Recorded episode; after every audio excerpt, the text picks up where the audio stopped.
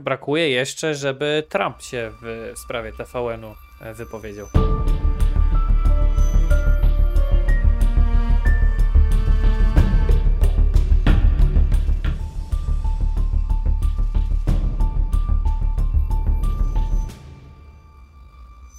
Witam serdecznie na kanale Niepoprawny Dyplomata. Przed Wami redakcja Niepoprawnych Dyplomatów. Ja nazywam się Mikołaj Teperek, pseudonim Wąski. Wcześniej kanał nazywał się Wąski, kanał Wąski Channel, teraz Niepoprawny Dyplomata. No i redakcja Niepoprawni Dyplomaci. Razem ze mną są redaktor Tomasz Winiarski oraz redaktor Miłosz Sowa. Siema. Jak widzicie po tytule porozmawiamy sobie trochę o wątkach em, relacji polsko-amerykańskich. I oczywiście o wielkim newsie, jakoby mm, mieli, mamy już tak, ambasadora. E, kim jest ta osoba i czy rzeczywiście już go mamy, e, jak to e, wszemi wobec ogłosiły polskie media, czy może coś jeszcze przed nami jest. O tym, jak wybiera się ambasadora, powstał cały odcinek, który znajdziecie tutaj w rogu. Redaktora Sowy nie widzicie, jak widzicie jest tutaj napis, ponieważ będziecie go słyszeć, redaktor Winiarski tutaj w okienku obok, no i tutaj ja ze studia naszego, tym razem właśnie właśnie tak e, zdalnie.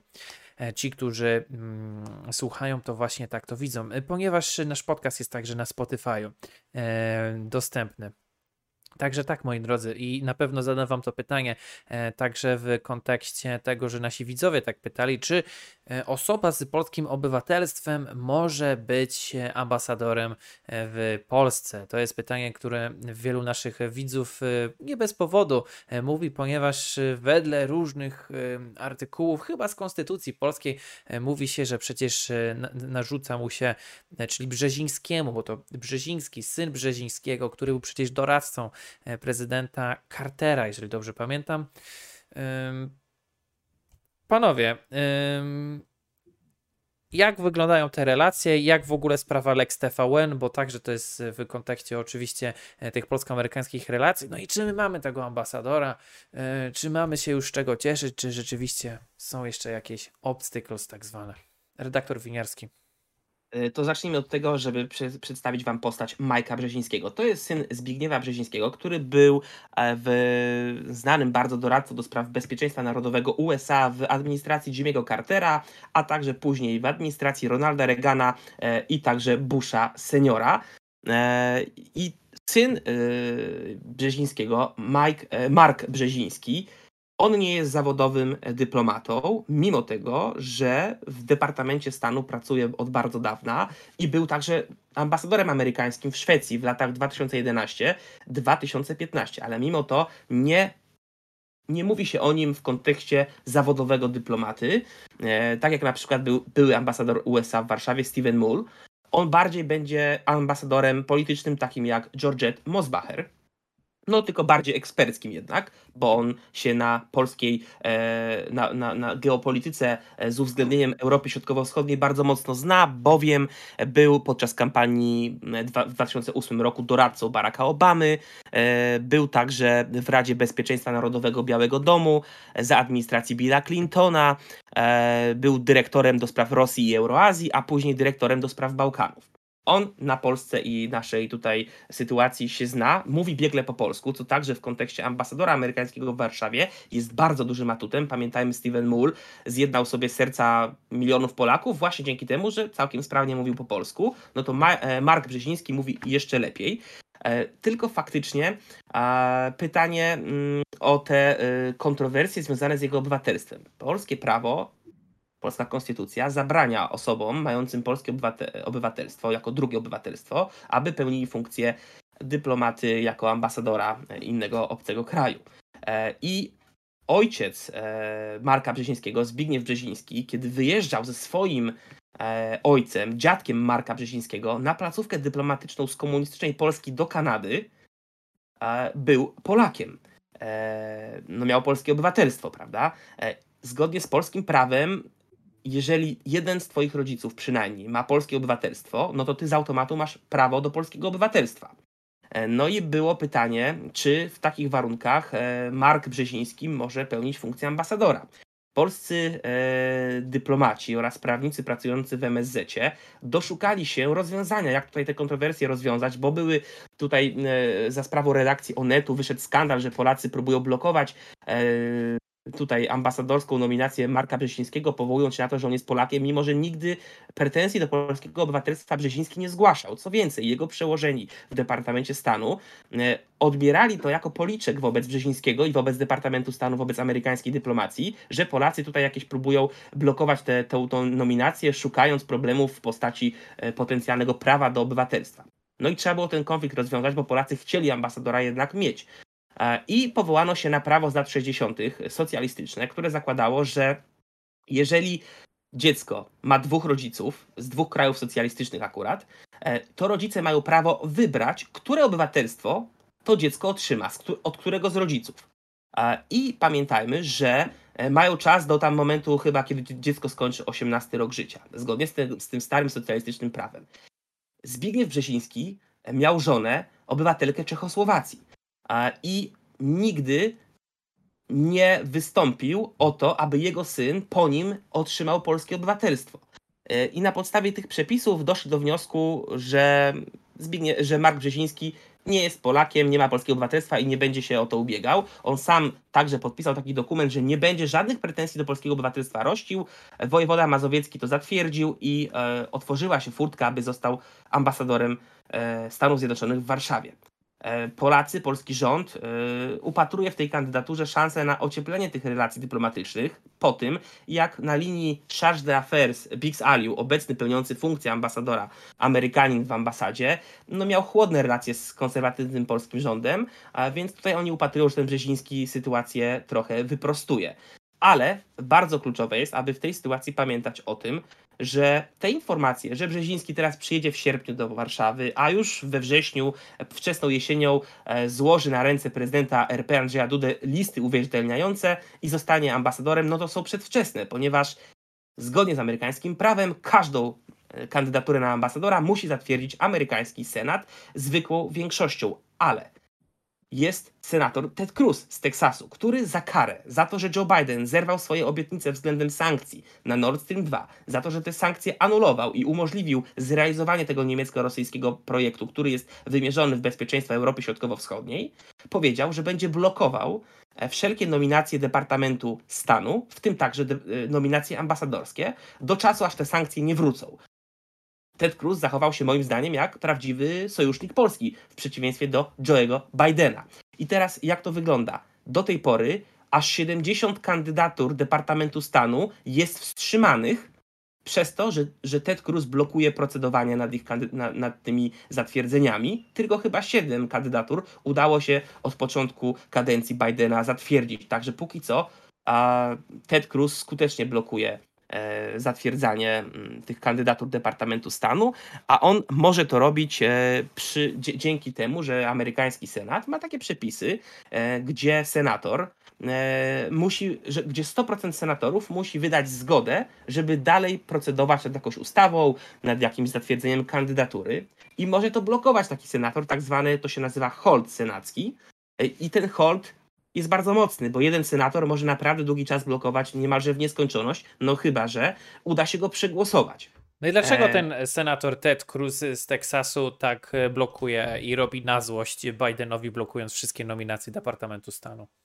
Bo uważa, że w ten sposób wymusi na Bidenie przywrócenie sankcji na Nord Stream 2, a jak nie wymusi, to przynajmniej utrudni życie Bidenowi i będzie to forma kary za to, że Biden zdradził nie tylko Polaków i Ukraińców, pamiętajmy, i region Europy Środkowo-Wschodniej, ale także swoich własnych wyborców, a także republikanów, bo obiecywał przy e, wsparciu głosów też senatorów demokratycznych i polityków demokratycznych ogólnie z kongresu, że sankcje na Nord Stream 2 popiera i utrzyma i w ostatniej chwili się wycofał. No i tutaj amerykańskie interesy też moim zdaniem naraził na szwank, także Ted Cruz dzielnie mm, tutaj oporuje i będzie ciężko e, to, powiedzmy, weto Teda Cruza przełamać, bo żeby e, przegłosować senatora, który blokuje obrady senackie, jednego, przypominam, senatora, potrzeba e, 60 głosów senatorów. I tylko, czyli taki filibuster de facto. Czyli to samo, co przy, przy, w sytuacji obstrukcji parlamentarnej. E, pytanie, czy demokratom uda się przekonać e, no, tych 10 dodatkowych senatorów republikańskich, żeby zagłosowali przeciwko temu holdowi Teda Cruza. Moim zdaniem nie będzie to aż takie proste, jak się niektórym wydaje, więc na tą kandydaturę, e, na, na tą na zatwierdzenie Brzezińskiego na e, tutaj szefa dyplomacji amerykańskiej będziemy musieli prawdopodobnie jeszcze sporo poczekać. Redaktorze Sowa, e, jak widzisz tą sytuację? Podobnie jak redaktor Winiarski. Tutaj y, Tomek wspomniał o tej procedurze holdów senackich, o której nie wspominają polskie media, informując y, o y, Marku Brzezińskim jako już no, pewnym, pewnym ambasadorze na ambasadorze Ameryki w Polsce, że już będzie, już, już, już. No niestety to nie wygląda tak, gdyż Senat ma swoje procedury i ta zasada holdu senackiego jest jedną z nich. I tutaj taka ciekawostka. Mm, znamy też procedurę filibastra, czyli obstrukcji parlamentarnej i holdów. Poznaliśmy i te procedury są podobne, ale łączy, ale dzieli ich pewne parę subtelności, które chcę tutaj naszym widzom wyjaśnić, aby uniknąć nieporozumień i postawić tę sprawę maksymalnie jasno. A więc hold może być tworzony przez jednego senatora. Grupa filib filibustrujących senatorów musi być, musi być ich co najmniej 40. Hold może być anonimowy, czyli, sen, czyli taki senator blokujący może mm, ogłosić, że y, zupełnie prywatnie, że zamierza oprotestować daną nominację, ustawę czy umowę międzynarodową lub publiczny wtedy, gdy taki senator publicznie ogłasza, że będzie blokował, tak jak to zrobił Ted Cruz. I w liście, oficjalnym komunikacie administracji Bidena o nominacji Rzezińskiego wisi na początku tytułu, że prezydent Biden announces intent to nominate nine foreign policy and national security leaders w tym wymienię nazwisko Marka Brzezińskiego i tutaj zwróćmy uwagę na słowo intent, że to jest dopiero zamiar nominacji, więc jakby dopiero wysu wysunięta została tylko jego kandydatura, która jeszcze w teorii może nie przebyć głosowania senackiego lub może być wycofana przez prezydenta Bidena, który go na to stanowisko nominował. Moi drodzy, e, jeszcze, jeszcze chcę nawiązać do tej sytuacji z, z obywatelstwem, ponieważ szukałem, szukałem i się doszukałem e, chyba znowu materiału, który e, ekspert Michał Rafalski na Twitterze napisał. Jest to amerykanista, który także się jest ekspertem w dziedzinie prawa konstytucyjnego Stanów Zjednoczonych i napisał, że z bardzo prostego powodu polski rząd się kompromituje E, i napisałby to każdy amerykański prawnik w Stanach Zjednoczonych, ponieważ prawo amerykańskie rozróżnia podwójne obywatelstwo, urodzone w US i rodzic z innego kraju, a bycie obywatelem tylko USA pomimo rodzinnych e, koneksji. E, I tutaj mówi, że to się wszystko objawia na przykład w prawie podatkowym 26 US Code 877A. I tutaj wszystko y, macie mm, na profilu Rafalskiego. Znajdziecie także wszystkie, mm, gdyby bardzo chciał e, Mark Brzeziński udowodnić, że nigdy nie starał się e, być obywatelem polskim i może zostać ambasadorem, mimo blokady e, rządu polskiego, który sobie mógł wymyśleć, że on po prostu jest na siłę naszym obywatelem, mógłby tą sprawę nawet podpiąć aż do Sądu Najwyższego i prawdopodobnie by się to udało.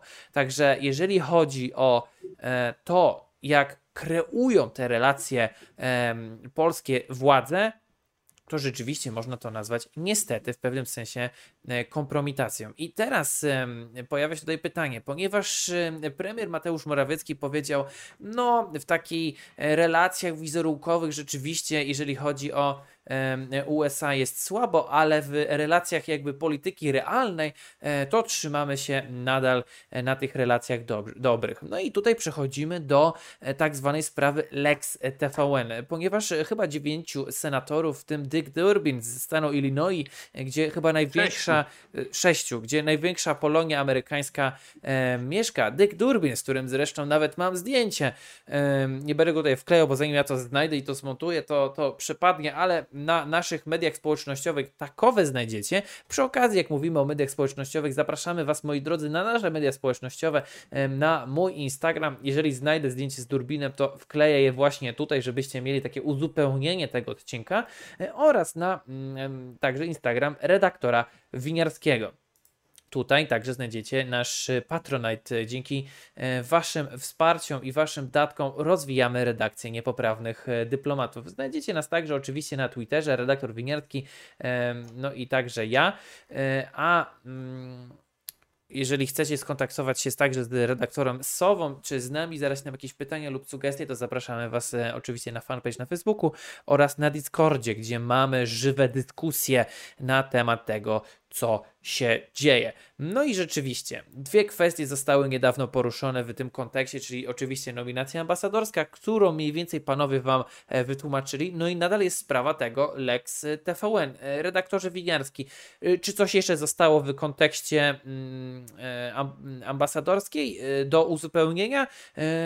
i co dalej z TVN-em? Jak wyglądają te relacje? Czy rzeczywiście tak jak powiedział to premier Morawiecki?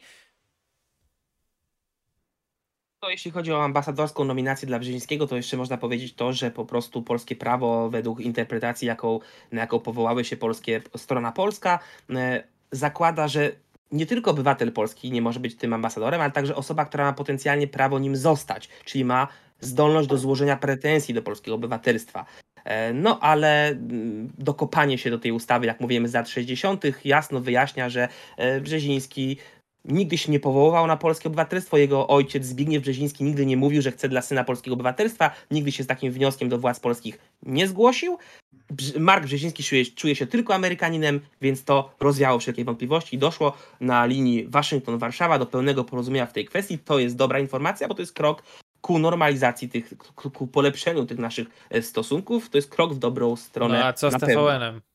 A TVN, no to jest już zupełnie inna sytuacja, ponieważ Lex TVN, czyli ta nowelizacja ustawy o radiofonii i telewizji, no wywołała wśród Amerykanów oburzenie. I to należy y, jasno, jasno podkreślić, że amerykańskie y, tutaj, amerykańska optyka na, na ten temat jest taka, że niezależnie od tego, czy mówimy o republikanach, czy mówimy o demokratach, za każdym razem, kiedy w grę wchodzą interesy amerykańskich firm działających poza granicami Stanów Zjednoczonych, to amerykańscy politycy, nieważne z jakiej opcji politycznej, zawsze będą murem e, występowali w obronie tychże interesów amerykańskich. A TVN jest e, telewizją, która została wykupiona przez giganta medialnego amerykańskiego Discovery.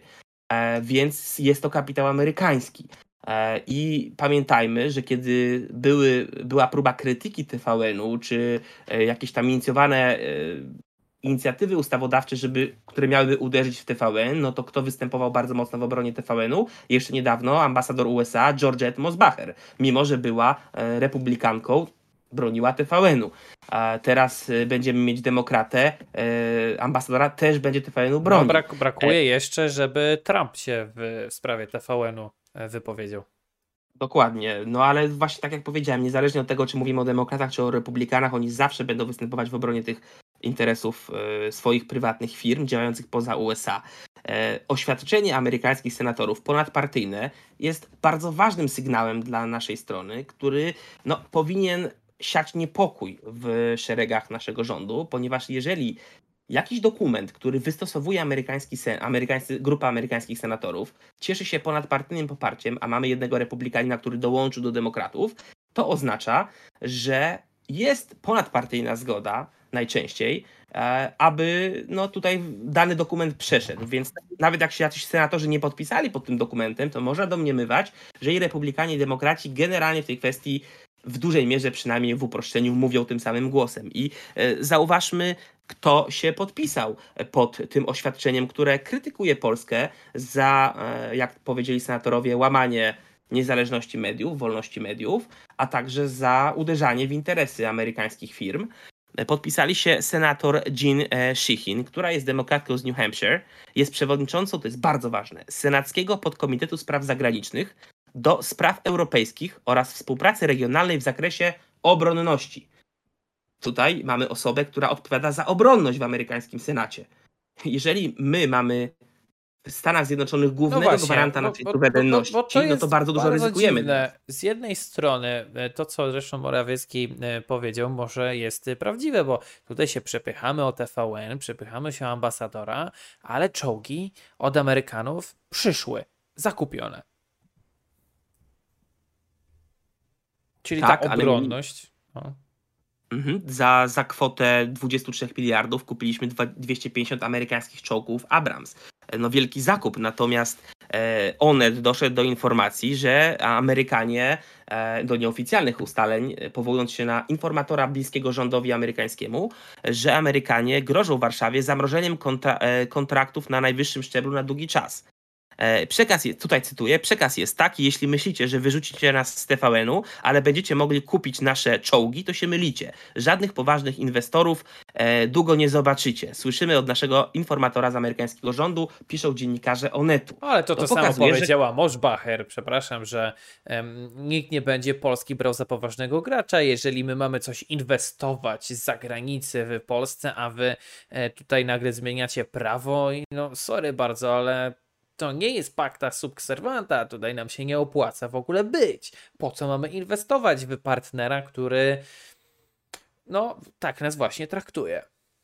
Dokładnie. Y, zacytuję może fragment tego oświadczenia amerykańskich senatorów, bo jest bardzo alarmujące. Oni napisali w ten sposób: Decyzja o wprowadzeniu takiego prawa w życie może mieć negatywne konsekwencje dla stosunków obronnych, biznesowych oraz handlowych. I skupmy się na tych obronnych.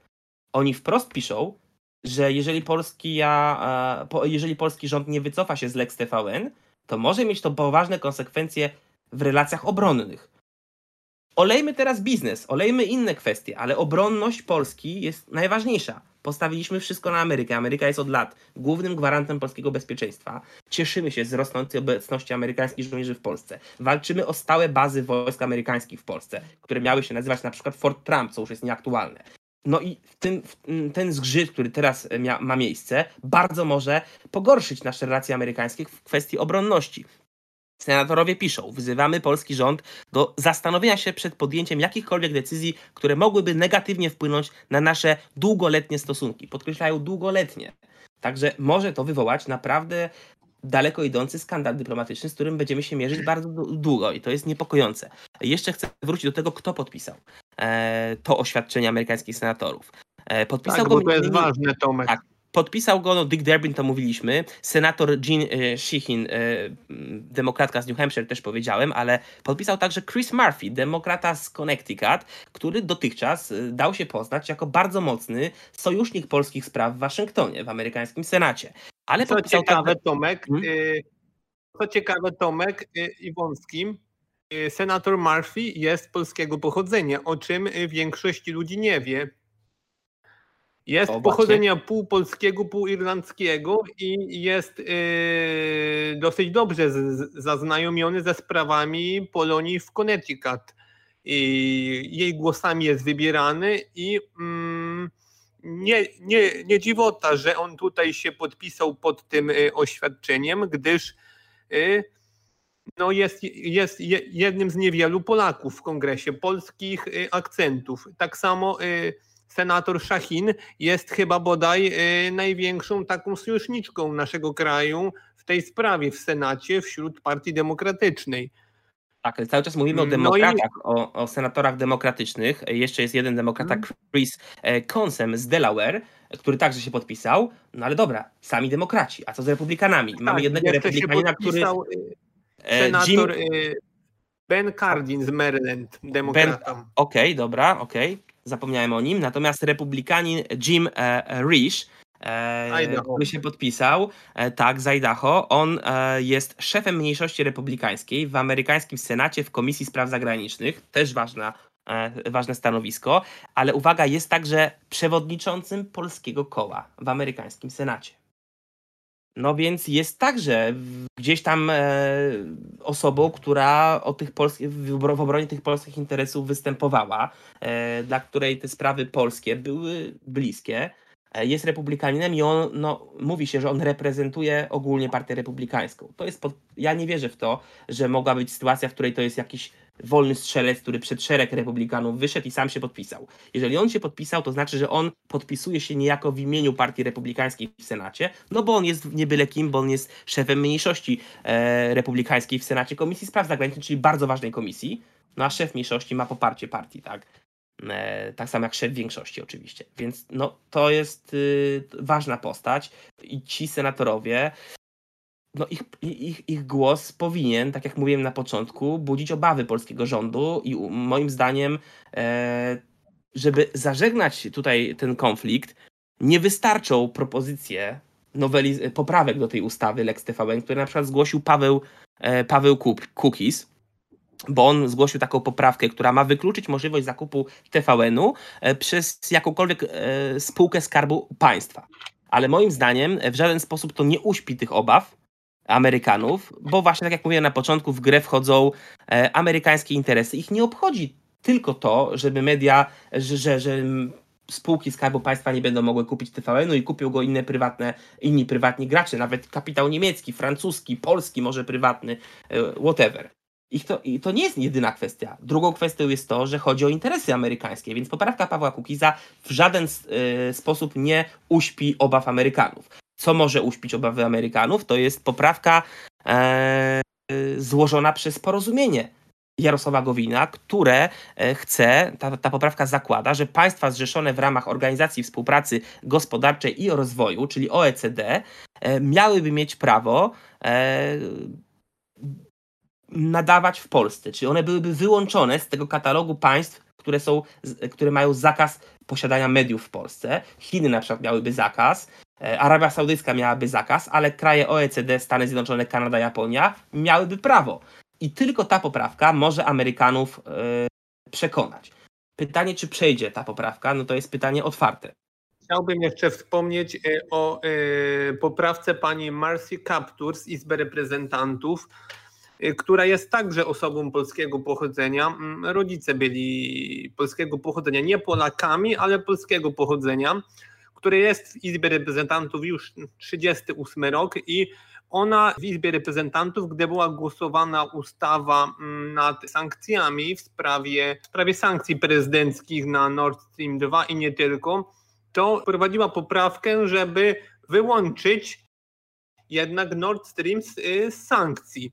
I ta poprawka z tą ustawą przeszła Izbę i teraz y, czekamy, co zrobi Senat w tej sprawie. Czy ta ustawa przejdzie z poprawką y, pani Kaptur, czy nie. Gdyby przeszła, no to mielibyśmy wyłączenie Nord Streamu z sankcji i odnieślibyśmy dosyć duży sukces na polu dyplomatycznym, na polu polityki zagranicznej i geopolityki. Jak to się nieczęsto zdarza w naszym wypadku.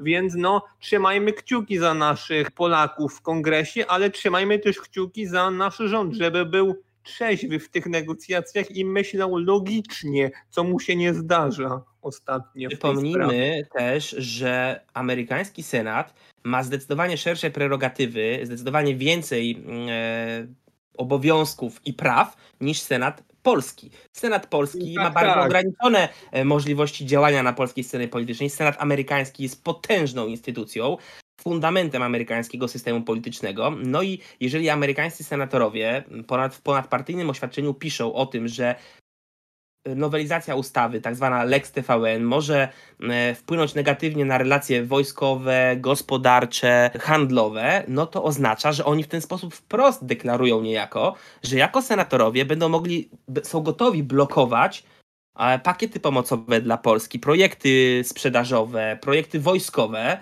e, także decydując, blokując na przykład wysyłanie wojsk do Polski. Senat amerykański, to, Ameryka to jest system prezydencki, prezydent ma tam olbrzymią władzę, ale często naszej świadomości umyka fakt, że prezydent jest bardzo często ograniczany przez Senat, że bez zgody Senatu bardzo wiele inicjatyw prezydenta nie może być zrealizowanych. Mowa na przykład o wypowiadaniu wojny, to jest jedna taka ciekawostka, ale także wiele innych kwestii, jak wysyłanie wojsk sojuszniczych do, do kraju, wojsk amerykańskich do krajów sojuszniczych, e, sprzedaż e, broni e, może być zablokowana przez amerykański Senat. Miłosz, możesz też parę słów od siebie dopowiedzieć, ale tych płaszczyzn, na których amerykański Senat może blokować Joe Bidena i może zaszkodzić Polsce, jeżeli będzie na nas, na nas wkurzony, jest całkiem sporo. To, co mówi Tomek e, o roli Senatu jest e, absolutnie racją. No, e, amerykański Senat jest bardzo silnym, silną i wpływową instytucją, która może mm, blokować bardzo duże części polityki prezydenta, polityki Izby Reprezentantów, niższej części parlamentu amerykańskiego, właśnie z powodu swoich prerogatyw, które są bardzo szerokie i przy kompetencjach i prerogatywach naszego polskiego Senatu wygląda to bardzo miernie. No weźmy chociaż na tapetę to, że w naszym polskim Senacie, gdy Sejm uchwala jakąś ustawę, to polski Senat nie może jej zablokować, nie może jej odrzucić, gdyż ona, gdy Senat ją odrzuci, to ustawa wraca do Sejmu i ona staje się prawem, a w Ameryce bez zgody Senatu żadna ustawa nie przejdzie, choćby nie wiadomo co. I to w tej sprawie jest tutaj ważne w kwestii prezydenckich sankcji, między innymi na Nord Stream 2, o czym mówiłem wcześniej. Pamiętajmy też, że niedawno Polskę odwiedził doradca sekretarza stanu USA e, Derek e, Choret, który w wywiadzie dla Rzeczpospolitej powiedział, że sam Joe Biden osobiście interesuje się kwestią Lex TVN e, i że urzędnicy Departamentu Stanu wysyłają różnymi kanałami sygnały do polityków PiS, że im się to bardzo nie podoba. I to jest o tyle istotne, że w 2014 roku mieliśmy pewne przełomowe wydarzenie, kiedy rządził Barack Obama, a przecież jego wiceprezydentem był kto? Joe Biden. I wówczas e, administracja USA zdecydowała się nałożyć sankcje personalne na wysoko postawionych węgierskich urzędników, w tym na szefową Centralnego Urzędu Podatkowego. Coś, co nigdy wcześniej nie miało miejsca, bo Węgry są sojusznikiem Stanów Zjednoczonych i krajem członkowskim sojuszu NATO. A jednak bardzo wysocy politycy czy, czy urzędnicy węgierscy w 2014 roku zostali objęci zakazem wjazdu do Stanów Zjednoczonych. Mowa o siedmiu osobach. Bo były zarzuty korupcyjne i Amerykanom się to bardzo nie podobało i w ten sposób spróbowali ich ukarać. Jeżeli Amerykanie i administracja Bidena będzie widziała w politykach polskiego rządu niektórych zagrożenie dla wolności mediów w Polsce, to teoretycznie też jest ryzyko, że mogą się na takie za, zaostrzenie kursu wobec Warszawy e, zdecydować. A to już byłby konflikt no, tak poważny, że ciężko nawet sobie to wyobrazić, bo to już by nie były tylko jakieś tam deklaracje, oświadczenia, tylko sankcje personalne. Miejmy nadzieję, że uda się ten konflikt zażegnać dyplomatycznie, zanim dojdzie do, na, mo, zanim może dojść do takiego rozwoju wypadków, ale trzeba mieć na uwadze właśnie historię, jak to wyglądało przeszło 7 lat temu. Tak, to prawda z tymi Węgrami i rzeczywiście to było w 2014 roku. Musimy pamiętać, że jak, że tak powiem, ktoś się w polskiej dyplomacji przegnie pałę, to rzeczywiście może się, mogą się wydarzyć e, różne e, rzeczy, nie takie rzeczy w dyplomacji e, widzieliśmy. Ale jeżeli interesuje Was dyplomacja, no to także tutaj, jak widzicie, znajdziecie więcej informacji na naszych profilach na Twitterze. Poza odcinkami dużo rzeczy piszemy, ale także w wielu miejscach występujemy. Jak widzicie, tutaj redaktor Winiarski w Polskim Radiu był.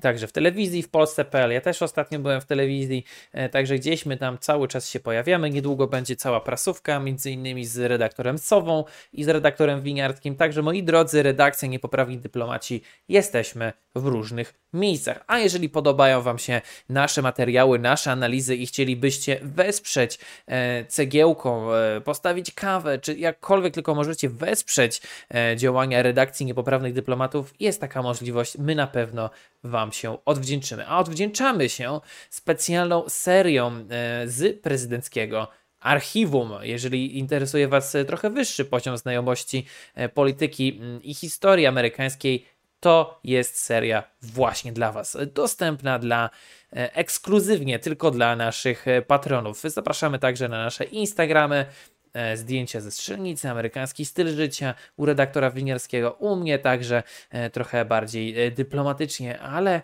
cały czas z naciskiem na tą niepoprawność e, dyplomatyczną. E, moi drodzy, pięknie dziękuję Wam za dzisiejszy e, podcast. Ja nazywam się Mikołaj Teperek, pseudonim Wąski. Byli ze mną redaktor Tomasz Winiarski, który przygotował większość dzisiejszego materiału, no i także nasza encyklopedia wiedzy o polityce amerykańskiej, redaktor Miłosz Sowa. Kłaniamy się Wam, dziękujemy, zostawcie lajka i zapraszamy do sekcji komentarzy. Jeżeli e, nie macie możliwości wsparcia projektu, to nie, e, to nie krępujcie się, ponieważ e, każde wsparcie, nawet udostępnienie tego materiału swoim znajomym, to jest niewyobrażalna pomoc. Lepszej nie znam niż zwykłe polecenie swoim znajomym czy rodzinie tego kanału Niepoprawny Dyplomata. Moi drodzy, trzymajcie się, do zobaczenia, cześć.